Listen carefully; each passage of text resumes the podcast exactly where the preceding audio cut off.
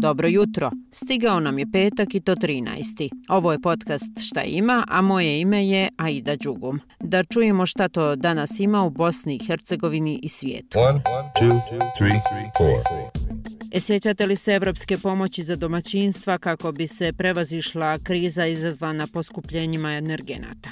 Danas će federalni ministar rada i socijalne politike Adnan Delić potpisati sporazume s načelnicima i gradonačelnicima u Federaciji BiH kako bi se ta pomoć iskoristila u ovom BiH entitetu. Evropska unija je putem paketa podrške osigurala oko 140 miliona maraka pomoći bespovratnih sredstava za ublažavanje energetske krize u BiH i dio za unapređenje energetske efikasnosti. Između 150.000 i 200.000 domaćinstava u BiH će dobiti pomoć.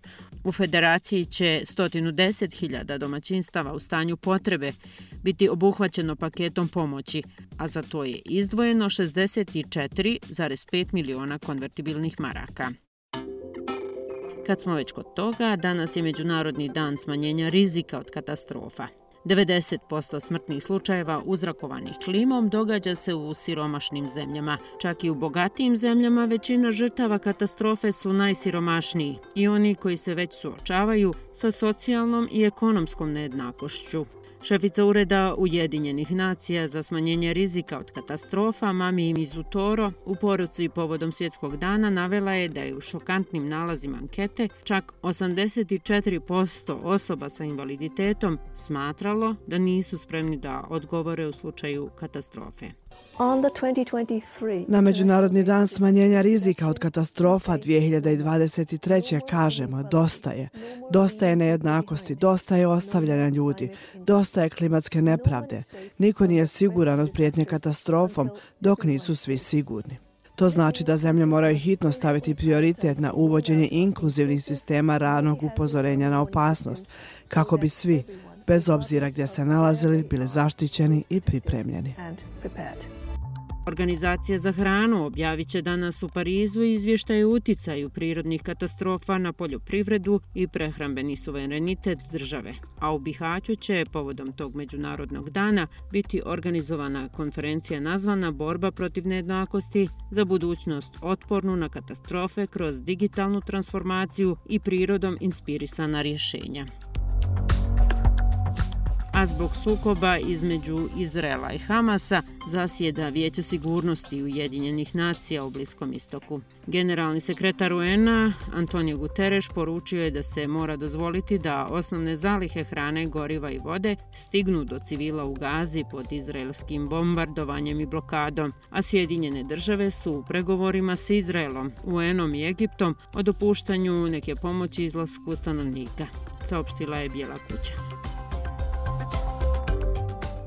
Dani otvorenih vrata u Centralnoj izbornoj komisiji Bosne i Hercegovine pod nazivom Promocija novih tehnologija u izbornom procesu završavaju se danas. Ova četiri dana, kažu Ciku, vladao je veliki interes. Mladi, uglavnom su to bili učenici srednjih škola i studenti. Najmanje 2000 učesnika iz 20 zemalja širom svijeta okupit će se u Sarajevu od danas do 22. oktobra na Sarajevo Open Dance Festivalu. Organizator je klub Astoria iz Sarajeva, koji već 10 godina organizuje ovaj turnir, a direktor tog kluba Mirza Geljo u razgovoru za Fenu je rekao. Tako da obuhvatit ćemo sve plesne discipline i um, ono što je posebno važno istaći ovo do sada najveći sportsko-plesni događaj u Bosni i Hercegovini, obzirom da traje 9 dana.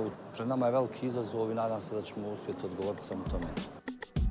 E sad jedna ne baš dobra informacija za ljubitelje piva. Pivopije bi mogle da ozbiljno osjete klimatske promjene zbog smanjenih prinosa hmelja i odgovarajuće kiseline, upozoravaju klimatolozi. Klimatske promjene će u predstojećim godinama sve više uticati na posao uzgajivača hmelja u glavnim evropskim regijama, u kojima raste ova biljka, pokazuju istraživanja. Međunarodni tim koji je proveo studiju, objavljenu u časopisu Nature Communications, pozvao je na hitne mjere prilagođavanja.